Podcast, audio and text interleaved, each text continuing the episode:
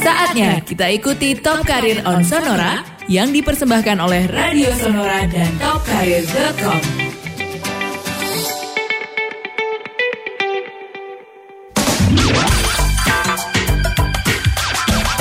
Halo, halo, selamat malam teman-teman di Jakarta, Palembang, Bangka, dan Pontianak. Apa kabar? Mudah-mudahan Senin ini dalam keadaan sehat saja ya. Sehat dong. Ada Anto dan Fidel. Kali ini di setiap Senin ya, kita hadir di acara Top Career on Sonora kerjasama Radio Sonora Jakarta FM 92 dengan topcareer.com. Aha. Hostnya nggak cuma kita berdua nih. Iya dong. Lebih ramai lebih asik ya. Benar. Kali ini ada Mbak Diana Tanu ya, selaku CEO topcareer.com. Mbak Diana, selamat malam. Halo, selamat malam. Apa kabar Mbak Diana? Selamat eh, baik. Selamat malam juga nih para pemirsa, eh, para pendengar ya. Pendengar Sonora Iya, di Jakarta, Palembang, Bangka, dan Oh, Pontianak. Oke. Kita ngobrolin topik yang seru banget ya, dan tamunya juga spesial ya. Ini kita akan ngobrolin mengenai persiapan human capital untuk perusahaan rintisan yang sedang berkembang, Berkembang. alias perusahaan startup. Dan tamu kita malam hari ini spesial sekali ya. Ada Mbak Kartika Akbaria, akrabnya disapa dengan Mbak Tika, selaku People Operation Business Partner for Grab and VP of Human Capital for Kudo. Iya. Mbak Tika selamat malam. Malam Mas Anto. Apa kabar Mbak Tika? Baik banget. Thank you banget udah invite. Sama-sama, seneng banget nih kedatangan Mbak Tika malam hari ini ya. Iya. Karena kalau saya sempat googling nih eh, perjalanan karir Mbak Tika ini luar biasa nih. Oh, stalker ya kamu ya. Tahuan pastinya, deh. pasti pastinya akan Di- banyak insight menarik ya yang Oh, akan kita iya. dapat nih malam hari Pasti ini di acara dong. Top Karir. Oke. Sebelum kita ngobrol sama Mbak Tika ya Mbak Diana ya, seperti Iya. biasa mungkin Mbak Diana bisa cerita dulu nih kepada teman-teman dan sahabat Sonora mengenai topkarir.com itu apa sih Mbak Diana? Oke. Jadi eh, Top Karir ini kita adalah portal karir untuk anak muda Indonesia. Kita eh, kenapa kita bilangnya di Top Karir itu adalah karir karena di sini kita bukan informasi hanya berbentuk lowongan pekerjaan saja. Oke. Kita juga ada dari mulai dari magang, lowongan pekerjaan full time. Terus lalu kita juga ada pelatihan sertifikasi, kewirausahaan dan tips karir. Oke. Heeh. Jadi kita ingin semua anak muda Indonesia itu pada saat mereka lulus, istilahnya mereka bisa menemukan cara gimana sih supaya mereka bisa berkembang di dunia di karirnya mereka, gitu. Mulai tahun berapa sih Mbak? Kita dari tahun sebenarnya kalau berdirinya itu 2015, tapi kalau 2015, kita di market di 2016. Oke. Heeh. 2016 sampai 2019 udah tiga tahun perkembangannya gimana nih sampai sekarang? S- eh, Alhamdulillah bagus banget kita makin berkembang dan semakin banyak anak muda Indonesia yang kita bantu semoga dan kita terus berkembang lebih baik ya ke depannya. Senyumnya juga terasa ya, pasti bagus banget nih prosesnya. Oh, tiba-tiba ngomongin senyum ya. Agaknya mengenai gombal. topkarir.com nggak cuma berisi lowongan pekerjaan ya. Benar, Kadang-kadang benar. kan buat mereka yang katakanlah baru lulus, nih bingung nih eh, bikin CV gimana? Iya betul. Benar. Kemudian ketika Interview. interview gimana? Oh, benar. Jadi macam-macam Mbak Diana Iya ya. iya. Kita sering banget ketemu anak-anak tuh yang bingung, aduh Mbak gimana sih nih bikin CV gitu.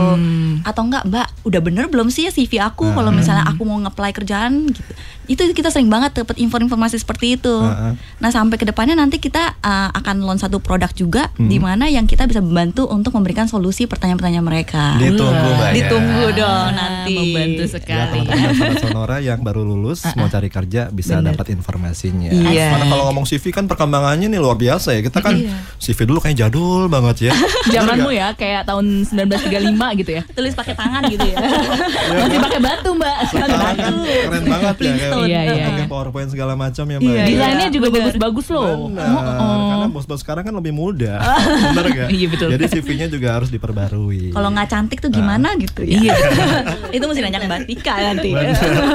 Oke, ini sudah kedatangan tamu ya Mbak Diana ya, tamu yang spesial banget Mbak Kartika Akbaria. Ini sebelum apa eh, menduduki jabatan di Grab dan Kudo ya. Ini sempat di sebuah perusahaan eh, Jasa antar. jasa antar ya. Mungkin kita bisa tanya dulu nih perjalanan karir Mbak Tika nih eh, sampai sejauh ini seperti apa nih? Oke, sebelumnya makasih banget ya Sama-sama, buat Mbak. Sonora dan juga Top Karir Indonesia. Sama-sama. Jadi em, untuk human capital sendiri sebenarnya awalnya tuh bukan pilihan karir saya gitu Oke. ya. Jadi dicemplungin, terus diangkat lagi, cemplungin lagi. Gak enak loh mbak Diangkat, dicemplungin, diangkat, dicemplungin Iya, Untung terus- gak sampai gosong ya tapi ternyata iya, tapi tapi ternyata em, setelah dijalanin kemudian juga eh, dihayati gitu ya. Ternyata ini adalah sesuatu yang memang eh, saya sangat suka lakukan dan setiap pagi gitu ya bangun eh, saya merasa oh iya akan ketemu hal baru karena untuk yang nanganin orang itu kan beda-beda. Karakternya juga beda ya. Beda-beda Mas Anto, Mbak Fidel, kemudian eh, Mbak Diana. Ini tiga orang mungkin ngobrolnya bisa eh, nyambung segala macam cuman masing-masing tuh pasti punya karakter yang beda-beda gitu Iya. kan. Nah, challenge-nya juga beda-beda, tantangannya beda-beda. Jadi em, sebenarnya sebelum di eh, perusahaan logistik atau jasa antar yang tiga huruf itu ya ketahuannya J belakangnya E gitu Iya. ya. Kawan banget ya, langsung deh. JYE enggak ada. terus terus Mbak. itu eh, sudah jadi eh, HR consultant gitu ya. Cuman waktu itu memang sambil sekolah, jadi em, sambil nimba ilmu juga dan juga implementasinya kayak gimana sih gitu Oke. ya. Nah, baru setelah selesai sekolah itu eh, kemudian berjodoh lah sama perusahaan depannya J belakangnya tadi. Eh, di sana sekitar enam setengah tahun. Eh, di sanalah kemudian saya bertemu dengan salah seorang yang saat ini juga eh, masih menjadi mentor karir saya. Dan di situ sebenarnya beliau memberikan tantangan pertama gitu. Jadi waktu itu nggak ada yang kebetulan ya. Jadi waktu itu memang em, head of HR-nya pensiun. Mm-mm. Ah, Oke. dan saya sebagai waktu itu sebagai staf ahli direksi lah bisa disebut technical advisor banyak ngerecokin HR Mhm. gitu terus eh, akhirnya bapak ini bilang beliau managing directornya bilang ya udah kamu aja deh yang jadi HR-nya karena Mhm. kamu banyak ngerecokin gitu ya. Bisa nggak nih ngejalanin gitu. Dan eh, memang juga karena beliau sangat visioner beliau melihat bahwa pasar masa depan tuh banyaknya anak muda gitu. Mhm. akan muncul banyak anak muda yang baru segala macam. Kita butuh eh, darah segar lah Ya, waktu itu. Kan masih 20-an nih masih Iya. idealis segala macam. Masih muda. Ya, terus setelah itu akhirnya eh, oke, Bismillah ambil tantangannya gitu ya sebagai head of HR. Waktu itu karyawannya sekitar 5.000 orang di usia Wah. sekitar 25 tahun. Mm-mm. Kemudian ya dijalanin tiga bulan pertama ya ada lah ya. Eh, waktu itu baru awal-awal menikah gitu. Oh, Jadi gitu. banyak cerita nih sama suami gitu. Eh, Muda juga ya meritnya. Jadi perjodohan. challenge-nya apa sih gitu. Nah, eh, akhirnya alhamdulillah setelah dijalani justru ini sesuatu yang menarik, yang eh, sesuai lah sama passion. Iya. Sesuatu Oke. sama purpose kali ya. Uh-uh. Eh, karena banyak orang yang bilang dan saya pun merasa bahwa kele- kelebihan saya salah satunya adalah bisa mendengarkan orang lain. Nggak cuma mendengarkan ya, tapi mendengarkan dengan menyimak gitu ya. Oh, Kemudian eh, pengen kasih solusinya apa sih yang terbaik buat dia. Eh, singkat cerita akhirnya eh, per berjodohnya enam setengah tahun itu kemudian ketemu sama salah satu perusahaan rintisan namanya Kudo Mm-mm. Singkatan dari kios untuk dagang online yang didirikan oleh dua orang anak muda juga.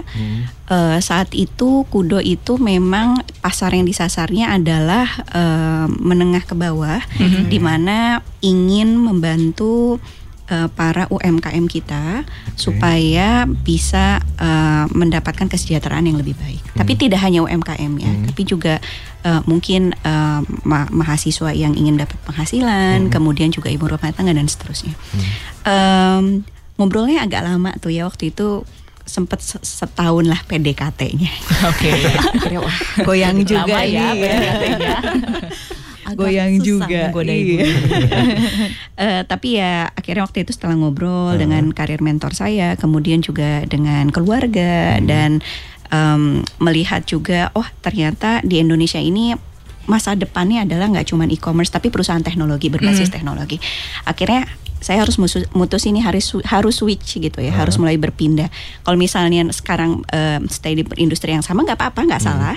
Cuman eh, sebaiknya kalau pengen stay di industri sama jangan di bidang HR tapi harus muter gitu. Oke. Jadi karir mentor saya bilang gitu. Tapi kalau kamu memang pengennya HR, justru referensi industri kamu yang harus ditambah. Itu akhirnya oh wah dibilangin gitu ya udah deh pindah gitu ya. Kemudian ya karena sejalan sevisi eh, masuklah ke Kudo. Dalam perjalanan juga ternyata Kudo em, ketemu sama jodohnya yang baru namanya Grab gitu ya. Oke. Kemudian menikah. Mereka menikah. Berdua. Menikah. Berarti kan ketemu jodohnya terus. Iya, jodoh kapan ya. dong? Sindir terus. Kita dengerin Batika aja ya. Terus terus Mbak. Ya, Mbak, abis ketemu jodoh terus ya. ketemu jodoh sama Grab ya. Jadi gabung sama Kudo di bulan Januari Uh, 2017 kemudian em, bergabung bersama Grab itu eh, proses akuisisi segala macam di bulan Mei 2017 gitu ya.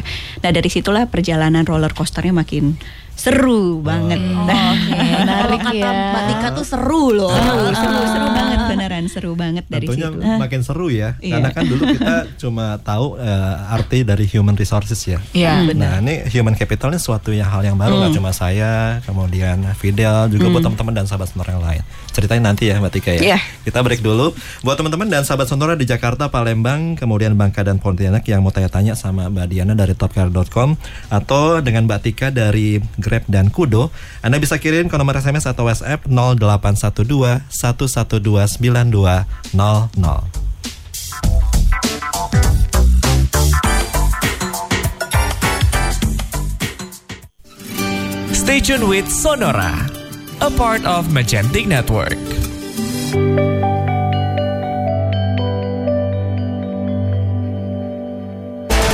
Top Karir on Sonora hari ini.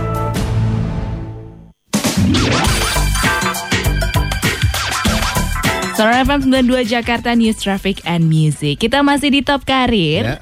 barengan sama Mbak Diana Tanu, CEO dari Top, Top Karir Ya. dan juga Mbak Tika dari Grab dan Kudo. Oke, jadi silahkan ya buat teman-teman di Jakarta, Palembang, Bangka, Pontianak yang mau tanya-tanya Mbak Tika boleh, Mbak Diana juga boleh dari topkarir.com. Bisa kirim ke nomor SMS dan WhatsApp 0812 112 9200. Ini tadi Mbak Diana kan eh, sempat ngobrol, ya sama ya. Mbak Diana ya. Katanya dulu kan eh, sekolahnya di teknik. Iya, Mbak Tika ini Nyemplung. canggih banget loh. Sebelumnya di teknik industri ternyata Sesat lulusannya. ya. Heeh. Gimana tuh Mbak caranya bisa tiba-tiba jadi ke eh, ke human capital? Iya, em, jadi di teknik industri itu eh, alhamdulillahnya saya dapat em, skill generalis ya, karena kalau Iya. di teknik industri kan memang belajarnya itu em, nggak nggak mendalam kayak misalnya biologi jadi expert biologi gitu kalau di jurusan biologi atau fisika, psikologi segala macam. Tapi kita belajar kayak eh, untuk punya skill manajemen end to end tuh kayak gimana sih? Itu marketingnya belajar, HR-nya belajar, termasuk produksinya juga belajar. Lengkap ya. Uh, justru dengan ada kesempatan belajar seperti itu, itu membentuk pola pikir dan juga skill saya secara langsung atau tidak langsung gitu ya melalui tugas-tugas diskusi sama teman-teman itu untuk berpikir generalis gitu ya Oke. dari dari dari uh, ujung ke ujung seperti itu. Nah, em, sedangkan untuk bidangnya sendiri mungkin bisa dilihat sebenarnya lulusan TI itu nggak semuanya jadi HR. Kalau misalnya Campur-campur. Mm-mm, Ya, ada yang ada mungkin jadi uh, manajer atau Oke. mungkin dia memang Finance. Iya finance, marketing gitu. Iya. Pas ditanya lulusan mana teknik industri. Gitu. bener. karena memang Macam-macam iya, ya. Iya, karena memang dia belajar ketika kuliahnya memang belajar itu, walaupun mungkin tidak Porsinya um, sedikit ya. uh, uh, tidak tidak terlalu gitu, banyak. tidak dalam. Oke. Kira-kira. Mbak Tika, kita pingin tahu nih, kalau misalnya dari Mbak Tika sendiri, seberapa penting sih sumber daya manusia mempengaruhi perkembangan suatu perusahaan? Penting banget no negosiasi. Oh, aduh. cerita dong, cerita.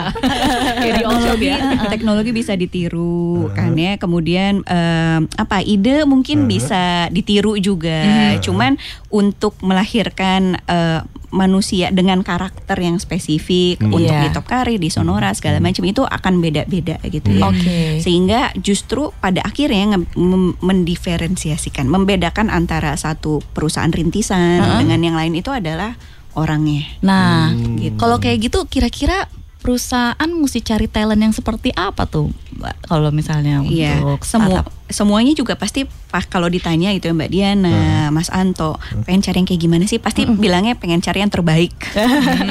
Termasuk jodoh Mbak ya. Jodoh terus. lagi nyari ya, Mas. Udah banget Nggak deh. ada, Mbak, saya. Nggak sama nama lagi. Cukup satu.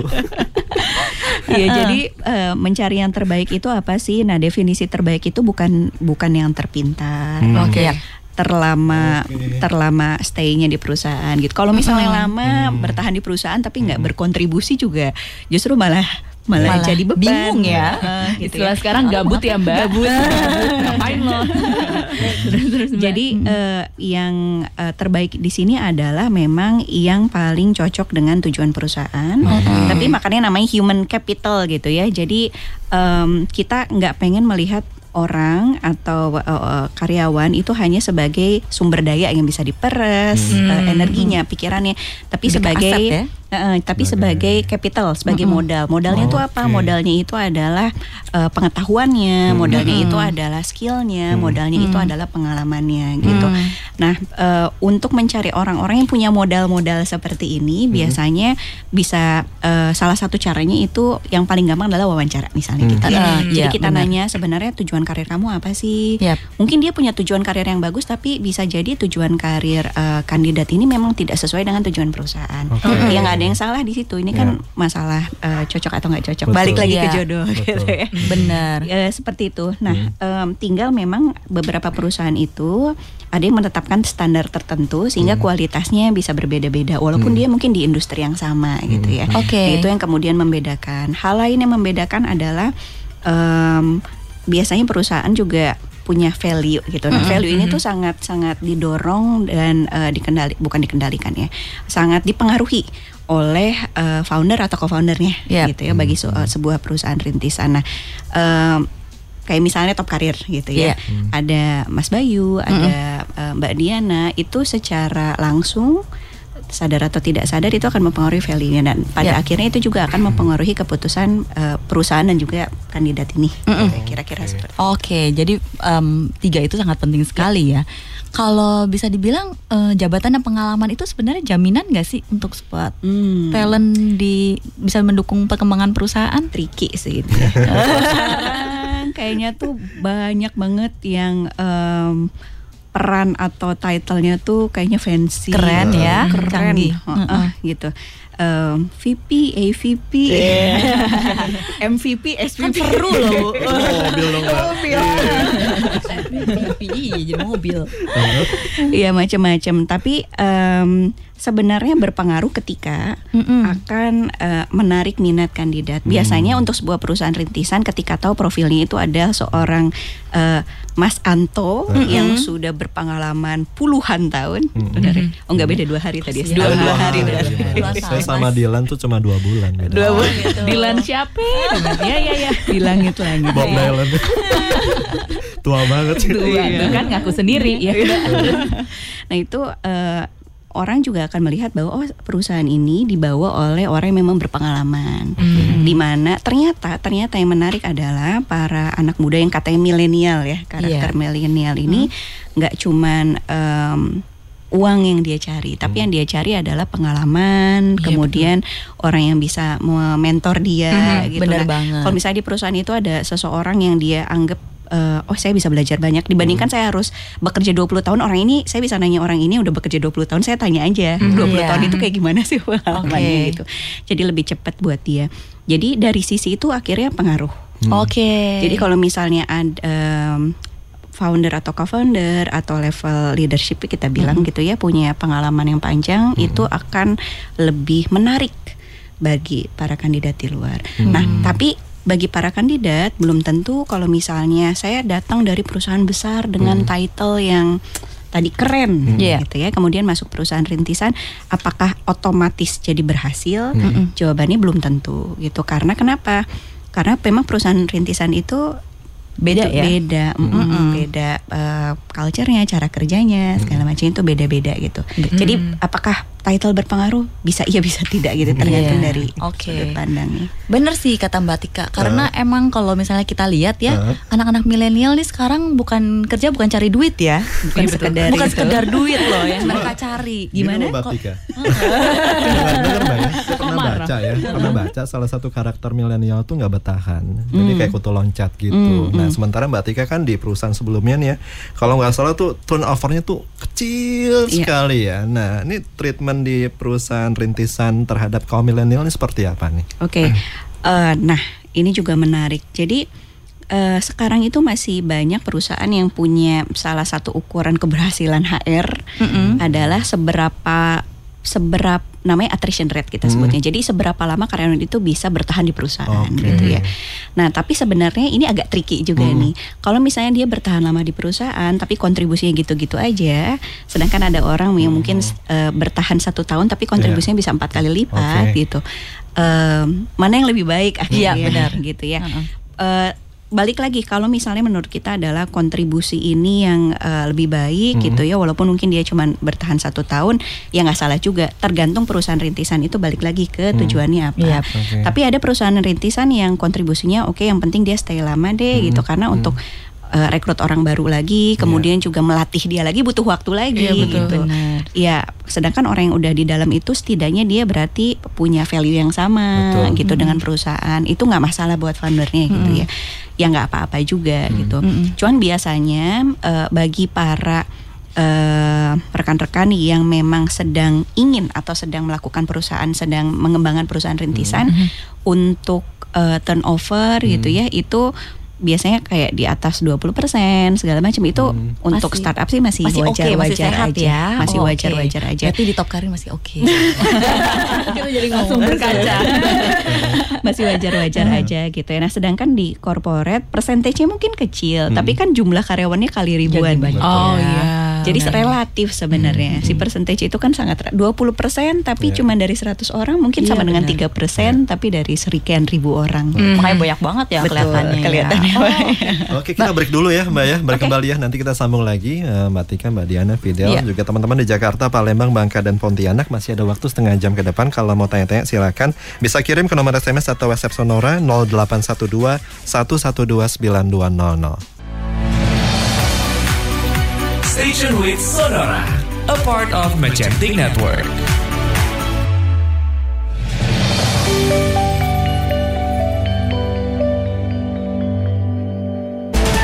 Top Karir on Sonora hari ini.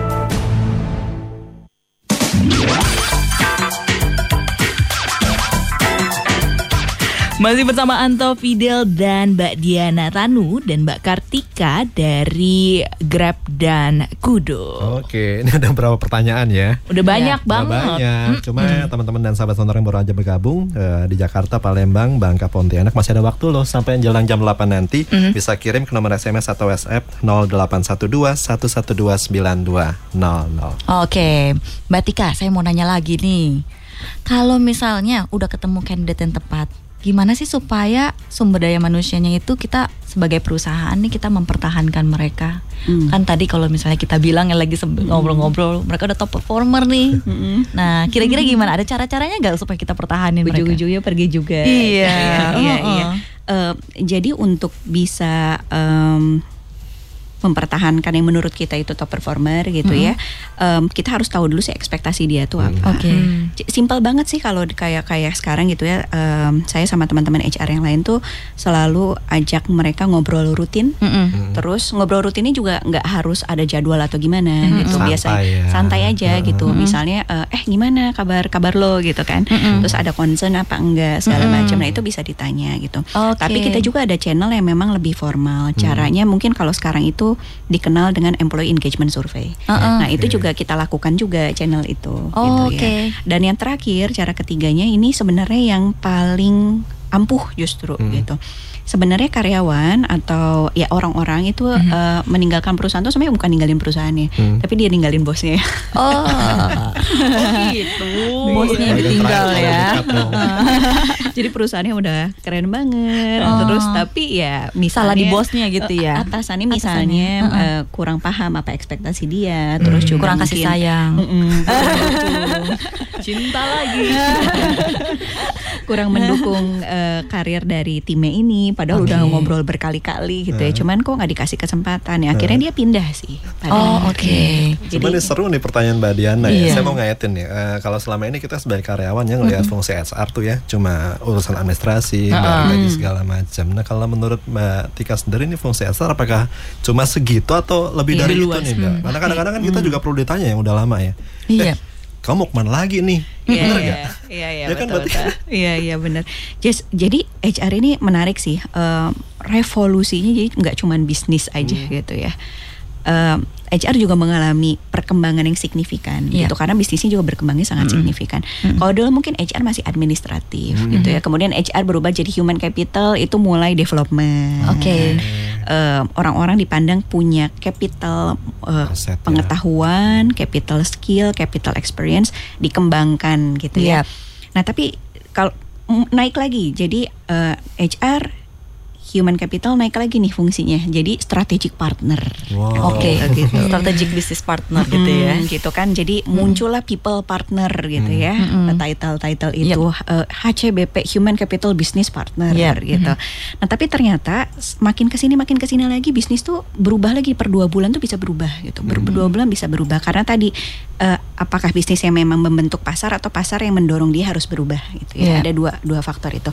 Nah akhirnya nggak jadi lagi jadi bisnis partner tapi ternyata HR sekarang para practitioner itu memang diminta juga untuk menjadi business player Hmm. jadi dia men Mereka- iya mendrive atau menentukan arah bisnis itu sendiri. Terjun gitu. juga ya? Terjun juga. Oke. Jadi eh, pemahaman terhadap bisnis ini mau ngapain Hmm. sekarang dan ke depannya itu juga eh, orang-orang HR memang harus punya skill itu. Oke. Eh, jadi nggak cuman administratif, tapi bukan berarti administratif nggak penting. Mau kita wah diskusi segala macam, tapi gajian telat ya nggak gitu. Gitu ya. Itu langsung tadi dibawa banget. Iya. wah keren ngomongin bisnis mau gimana tapi ternyata ada karyawan eh, yang eh, pengen curhat nggak bisa kita dengerin Oke. nah i- nggak kayak gitu gitu ya jadi tetap eh, layanan basicnya atau layanan yang paling dasarnya itu juga tetap harus dipenuhi baru kita bisa naik ke level-level Oke. berikutnya Boleh tahu gak Mbak, kenapa tadi bisa bilang kalau misalnya em, tiba-tiba human capital ini udah berubah menjadi kayak lebih bisa membantu mengedrive bisnis Hmm. dari unsur-unsur apa sih yang kira-kira bisa Ya. membuat jadi perubahan seperti itu? Ya, salah satu skillnya atau eh, unsurnya itu adalah eh, pengelolaan stakeholder gitu ya. Mm-mm. Jadi sekarang itu kan pengambil keputusan itu nggak cuman top down ya, nggak cuman dari eh, level CEO-nya atau kepala perusahaannya, tapi keputusan itu sekarang udah lebih terbuka di mana dengan adanya media yang terbuka orang tuh kayak gampang kan googling sekarang nyari informasi bisa di mana aja gitu. Nah justru dengan keterbukaan eh, media tersebut dan akses terhadap informasi itu juga ternyata mendorong perubahan perilaku. Jadinya orang jadi lebih bisa speak up. Ya kalau nggak speak up depan bosnya di sosial media lah speak up Insta story gitu ya. Iya iya. Tempat curhat Iya. Nah, eh, akhirnya juga eh, pengambilan keputusan oleh pimpinan perusahaan juga tidak hanya top down yang mungkin sebelum-sebelumnya Iya. dilakukan seperti itu. oh, oh. Sekarang ya banyak media di mana aspirasi-aspirasi bottom up juga kemudian diakomodir. Iya. Oke. Gitu. Nah, di situlah kemudian eh, banyak ekspera- eh, ekspektasi, banyak aspirasi, tapi kita nggak bisa menyenangkan semua orang kan. Benar-benar. Apa yang terbaik buat perusahaan ya nggak Ah. semuanya Mas Anto minta apa, Mbak Iya, Fidel minta semuanya harus dipenuhi. dipenuhi gitu. Nah, un- itulah di situ peran HR sangat penting Heeh. sehingga Oke. kita paham bisnisnya seperti apa dan kita mengen- bukan Mendengar- mendengar, mendengarkan ya, mendengar iya, ya. mendengarkan dan menjadi eh, influencer gitu ya Oh, oke. influencer bagi eh, nggak cuman agenda dari HR itu eh, human capitalnya itu sendiri tapi agenda bisnis juga Oke. gitu. Hmm. Mbak Diana Oke. ini kan sosok Mbak Tika kan sosok yang mendengarkan ya. Iya, Saatnya benar. Mbak Tika mendengarkan pertanyaan Dan- nih. Pertanyaannya udah banyak oke sekali nih. nih kayaknya nih. Udah banyak banget yang masuk. Ini ada pertanyaan pertama dari Ramdhani. Selamat malam, saya mau tanya bagaimana cara kita membawa diri saat interview kerja dengan HR. Ini aku mau nambahin pertanyaannya Ramdhani juga nih Mbak. Penasaran banget ketika lagi interview kerja. Setauku emang sebagai eh, orang yang melamar kerja itu harus bertanya tentang gaji dan ekspektasi perusahaan ke pelamar kerjanya itu kan. Itu nanyanya yang enak gimana sih Mbak? Titipan Setuju, pertanyaan Iya titipan kan? sekalian. Itu titipanku dan teman-teman. Kadang-kadang kalau ketinggian salah, Iya keterangan kan? juga salah. Iya benar benar benar. Biasanya justru banyak yang bisa jawab di bagian itu. Iya. ya jadi pas em, dapat kesempatan diundang sama perusahaan untuk wawancara, Mm-mm. Simple banget sih. Jadi diri sendiri aja. Tapi maksudnya tetap Oke. yang proper ya. Jadi diri sendiri. Biasanya sehari-hari pakai sendal jepit. Ya, jangan dong. gitu juga. Rambut berantakan. Iya, iya. karena em, ini sekedar tips aja gitu ya karena yang dicari sama para perusahaan rintisan itu eh, tidak hanya technical Mhm. kemampuan Ya, teknikal benar. pengetahuan teknikal tapi juga karakter Hmm. gitu ya Oke. karakter nah karakter itu biasanya dicek sama tiga pihak nih tiga tiga bagian yang pertama adalah HR HR personnya orang oke. hiringnya biasanya Mhm. kemudian eh, calon manajernya Mhm. gitu ya ini cocok nggak sih kerja sama saya atau tim yang lain gitu Mhm. sama yang ketiga itu adalah calon rekan kerjanya Oke. calon rekan kerjanya gitu nah Em, jadi apa adanya aja. Kemudian juga tapi tetap santun gitu ya sesuai budaya Indonesia lah. Em, kemudian yang bagian tadi em, gimana misalnya kita pengen nanya tentang peluang karir atau misalnya berapa sih package yang kira-kira bisa kita dapat gitu. Nah sebenarnya eh, ini sudah bukan hal yang tabu ketika didiskusikan dengan em, Para apa HR. namanya eh, orang HR. Tinggal nanti ditanyain di waktu dan kepada siapanya aja. Kalau misalnya Oke. nanya itu ke hiring manajernya atau ke rekan kerja ya mereka juga nggak tahu detailnya kayak gimana Iya, iya. mungkin ya. Nggak apa-apa ditanyain aja misalnya Mbak Mas eh, makasih banget ya udah ngundang. Kira-kira eh, Boleh saya tahu boleh tahu nggak? sih Iya. paket untuk posisi ini yang ditawarkan apakah betul ini? Oke. Kemudian eh, paket yang ditawarkan seperti apa gitu. Nah, dianya juga akan nanya catat. dianya juga akan nanya, "Oh, biasanya kalau saya ditanya kayak gitu eh, ada dua hal gitu ya. Yang pertama eh, kalau dia sudah bekerja gitu ya kayak Fidel kan udah kerja gitu ya. Em, boleh nggak saya minta justru current package kamu berapa sih sekarang sama Ah. ekspektasi kamu gitu. Nah, biasanya dua itu yang akan ditanya. Nah, di sana pun nggak ada yang salah ekspektasinya jadi mau Dua eh, kali lipat gitu? Dua kali lipat, sepuluh kali lipat Sepuluh nggak ada yang salah. Asal diterima apa enggak ya? Iya.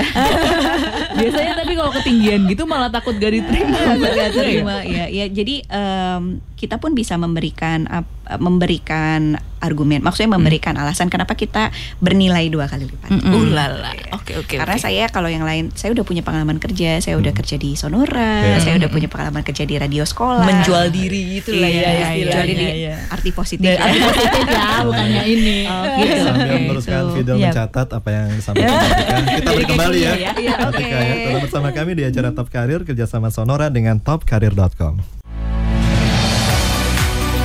Station with Sonora, a part of Magentic Network.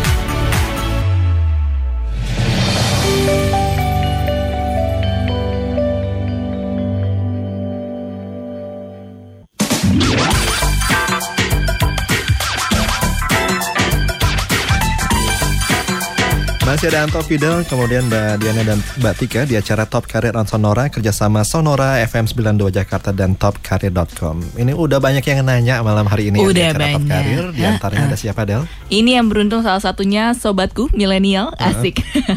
Ada Dinda Afrieni yang nanya eh, kriteria apa sih yang dicari perusahaan dalam menyeleksi generasi milenial? Apa tuh mbak?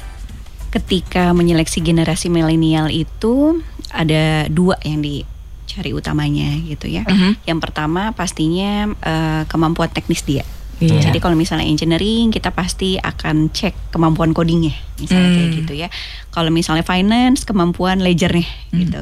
Kemudian eh, pembukuannya Hmm. gitu ya. Kalau misalnya nggak bisa nul- Pembukuan gimana pembukuan jadi? susah. Oh, oh Susah iya. juga ya. Jadi salah masukin angka keluar PNL-nya Iya, iya. salah nanti itu gawat juga. Pero salah juga. yang penting basic knowledge-nya dia udah punya gitu. Oke. Kemudian yang kedua, nah ini em, ini yang selalu em, saya dapatkan gitu ya dari beberapa leaders yang saya temui. Baru tadi pagi diingetin gitu. Eh, actually we are hiring attitude. Hmm. Iya Oke. benar. Nah, Jadi yang yang yang yang kedua yang dicari adalah em, karakter gitu ya. Karakter kalau misalnya dia pintar tapi susah untuk berkolaborasi sama tim lain, susah juga ya. Kalau misalnya em, nggak mau kerja sama yang lain dan selalu ngekip semuanya pekerjaannya sendiri nanti juga nggak bisa Bekerja maju. sendiri, solo Mm-mm, sendiri. gitu. Mm-mm. Eh, kira-kira seperti jadi dua itu yang yang dicari. Nah sisanya kalau mi- sisanya ada perusahaan-perusahaan yang juga cari eh, potensi dia bisa jadi pemimpin nggak ya di masa depan. Oke. gitu. Cuman itu tambahan aja sebenarnya. Hmm. Yang Nah. basicnya dua itu. Penasaran mau nanya nih ya. Misalnya ada dua orang nih calon pelamar Mbak ya. Ya. Yang per- apa pelamar pertama tuh ya eh, dari sisi nilai 10, kepribadian 5. Sementara Oke. pelamar yang kedua ke- sebaliknya Mbak. Oke. Yang Mbak Tika pilih siapa? Yang kedua. Attitude tetap ya mbak. Iya, Paling yang penting kedua. ya. Betul. Oke. Oke. Karena saya juga pernah punya pengalaman di mana kita tetap hire yang pertama, Hmm. kemudian em, ada concern baik Hmm. itu dari si maaf dari eh, kandidatnya Hmm. dia nggak ya concernnya adalah dia nggak bisa stay lama Hmm. gitu karena tadi dia nggak bisa kolaborasi sama yang Oke. lain Oke. dan juga concernnya dari eh, user atau Hmm. teman kerjanya juga gitu ya Sering Jadi, berantem jadinya ya. akhirnya eh, akhirnya kelas nggak perlu gitu ya hal-hal seperti itu Jadi Oke. attitude yang Kalau pertama, pertama- karena kemampuan bisa kita develop bisa ya. kita develop. Iya, Yang penting dia benar. basicnya punya, dia punya kemampuan, kemauan untuk belajar gitu ya, Iya. untuk belajar dan eh, resilience. Jadi jatuh bisa bangkit lagi, jatuh Setuju. lagi bangkit Oke. lagi. Ya. Oke, oke. Oke. Lalu ini ada Akbar Ramdhani. Selamat malam, saya mau tanya sebagai HR bagaimana cara menjadikan karyawan yang loyal untuk perusahaan yang sedang dirintis. Nah, Tipsnya cuma satu, ini eh, susah-susah gampang. ini skill eh, dan seni seorang HR gitu ya. Tipsnya sebenarnya cuma satu. Selain dengarkan ekspektasinya, kemudian yang paling penting adalah sentuh hatinya gitu ya. Kasih sayang itu yang tadi aku bilang. Ah, ah. Nah, untuk bisa menyentuh hati itu tuh eh, ada ada ada cara-caranya. Yang pertama kita harus paham dulu sebenarnya keinginan dia apa. Mhm. Ada orang yang sebenarnya simple buat working mom, mungkin dia pengen cuman cuman pengen punya waktu flexi time. Hmm. Mau gajinya dinaikin berkali-kali pun flexi penting time. fleksibel. Yang penting kalau anak saya sakit, saya bisa antar anak saya sekolah. hmm, ya. Buat yang Oke. buat yang single gitu ya. Nggak usah dinaikin gajinya tapi kasih saya cuti lebih banyak. Jalan-jalan. Tadi kirain kasih jodoh gitu. itu boleh loh tambahannya sangat dibutuhkan. Iya. Nah, eh, dan dan yang paling penting HR udah berusaha Oke. dengerin dia, penuhin ekspektasinya, cuti ditambah, flexi time diizinkan ada kebijakannya. Tapi tadi ujung-ujungnya dia kan meninggalkan siapa? Atasannya, Mhm. Iya. gitu ya. Dan atasannya nggak punya usaha yang sama dengan HR-nya, dia akhirnya akan pergi juga. Oke. Hmm. Jadi justru keluarga terdekat bagi seorang karyawan itu adalah eh, rekan kerja dalam satu timnya, Oke. Mhm. terutama ayah ibunya dalam satu timnya gitu. Kalau itu nggak kita manage dengan baik, yang tadi balik lagi ke manajemen stakeholder. Iya. Nah, manajemen stakeholder itu adalah salah satunya para manajer-manajer level ini. Oke. Ya. Hmm. Mbak Tika kalau aku boleh tahu nih, boleh deh aku bertanya Boleh, nih. Mbak. Eh, boleh ya. Boleh dong. Colongan juga nih ya. Kalau misalnya tadi eh, biasanya human capitalnya yang approach langsung ke si karyawannya atau karyawannya biasa datang selama pengalamannya Mbak? Em, dua arah, dua-duanya bisa. Cuman biasanya kalau misalnya ada karyawan yang datang pasti kita dengerin ya, karena kalau kalau udah seorang karyawan datang ke HR itu biasanya dia udah nggak tahan banget. Dengan dia ininya, udah dia udah timnya coba. Curhat ya. dia udah beneran butuh pertolongan gitu ya. Heeh. Biasanya Tempat cuma- curhat. Iya, tempat curhat. Nah, tapi ada juga case di mana kita juga undang dia, ajak ngobrol duluan juga ada. Tapi biasanya biasanya kalau ada em, masukan, ada concern dari karyawan, eh, kita akan lebih utamakan untuk eh, manajernya dulu yang Hmm. tanganin. Oke. Jadi nggak langsung ke kita. Mm-mm. Karena sekarang prinsipnya semua people manager itu adalah HR manager gitu ya, Mm-mm. atau HC manager gitu. Mm-mm. Ya. Jadi ya dia adalah eh, orang yang pertama kali bertanggung jawab ketika ada input, ada concern, Hmm. sebelum akhirnya dilempar ke eh, HR division atau human Oke. capital division gitu. Oke.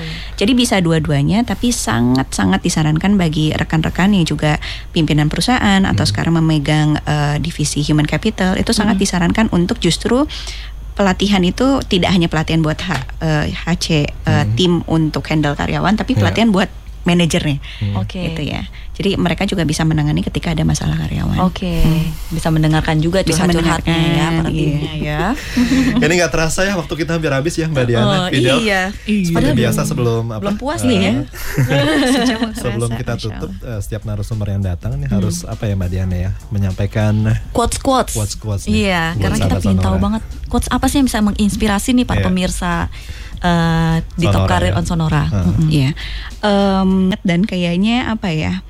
eh standar banget gitu ya. Heeh. Cuman cuman inilah yang kemudian eh, pesan ayah saya. Saya ingat banget waktu itu kelas 3 SMP. Mhm. Lagi bandel-bandelnya tuh. Sama Jadi. 3 SMP bandel udah nggak bisa dikendalikan. Ayah saya tuh cuman cuman bilang em, dua kata gitu ya. Dua kata apa ya? Empat kata sih. Ya empat kata. Dia selalu bilang gini. eh, waktu itu beliau bilang gini. eh dipanggilnya Neng ya karena orang Bandung kan. ya terserah kamu mau sekolah nggak sekolah gitu kan. Pokoknya apa pun yang kamu lakukan selalu lakukanlah dengan sungguh-sungguh dan bertanggung jawab. Oke. Itu disampaikan oleh seorang ayah kepada remaja usia 4 15, 15 tahun. Ya. Yang kemudian itu membentuk saya sampai sekarang. gitu. Oke, diingat terus ya itu Diingat ya. terus mau kita mau lakukan apa pun, mau jadi Hmm. penyiar, mau jadi apa pun itu kan sebenarnya hanya cara ya. Iya, benar. Apa pun yang kita lakukan, lakukanlah dengan sungguh-sungguh dan bertanggung Iya. jawab. Nah, semoga itu juga bisa diresapi sama Benar nih. sahabat sonora sekalian dan eh, menginspirasi kita juga ya. Bagus banget tuh Kata-kata ayah. inspirasi. Minta tisu dong. Mel. Aduh. Kenapa? Keringetan. Iya, kedinginan. Iya, iya, iya, iya. Tapi itu bagus banget ya buat Benar. Kita di mana pun kita selalu jadi bisa inget ya Mm, apa pun yang kita simple, lakukan. simple. Simple dan Pasti ya, ada pesan-pesan orang tua ya Mbak jawab. Diana ya, Iya. Mbak Tika yang Iya. harus apa ya, yang sangat menginspirasi kita ya. Iya, benar. Ah, waktu kita juga hampir habis nih Yap. Mbak Diana. Ini Uh-uh. buat teman-teman dan sahabat Sonora yang mau tahu informasi lebih lanjut mengenai topcareer.com bisa ke mana? Oke, kalau misalnya mau tahu lebih lanjut tentang Top Karir bisa lewat dari sosial medianya kita di Top Karirnya sendiri di kalau misalnya di Instagram Top Karir Indonesia Ya. bisa di follow langsung sekarang. Mm-mm. Terus kalau misalnya mau eh, mendapatkan informasi tentang lowongan pekerjaan, Mhm. pasti langsung dat- datang ke websitenya kita Mhm. www.topkarir.com. Oke. Heeh. Jadi bisa follow ya Benar. ya. Biar Iya. bisa tahu inform- inform- informasi lebih lanjut mengenai Benar. kegiatan topcareer.com. Heeh. Kalau misalnya udah registrasi biasanya langsung dapat infonya semua dari Oke. tips karir, lowongan pekerjaan, semuanya infonya bisa dapetin sesuai dengan yang dia mau. Oke, lengkap Uh-uh. sudah. Oke. Fidel kita harus pamit ya. Iya. Mbak Diana terima kasih. Ba- makasih Salam sama-sama. buat teman-teman di topcareer.com. Mbak Tika juga terima kasih ya. Makasih banget Makasih. ya. Mudah-mudahan apa yang banget. kita bicarakan bermanfaat buat sahabat Iya. Sonora di mana pun anda Iya, amin. berada. Oke. Paling saya tambahin Ah, silakan. em, program ini Mm-mm. kita kerjasama dengan em, YOT Production. Mm-mm. Kalau misalnya mau dapetin informasi tentang yang on topnya juga Mm-mm. bisa ke yang ontop.com. Oke. Oke. Baik. Gitu. Waktunya Fidel pamit. Anto pamit, kita ketemu lagi ya di acara yang sama pada hari Senin yang akan datang. Demikian telah kita ikuti Top Karir on Sonora yang dipersembahkan oleh Radio Sonora dan topkarir.com.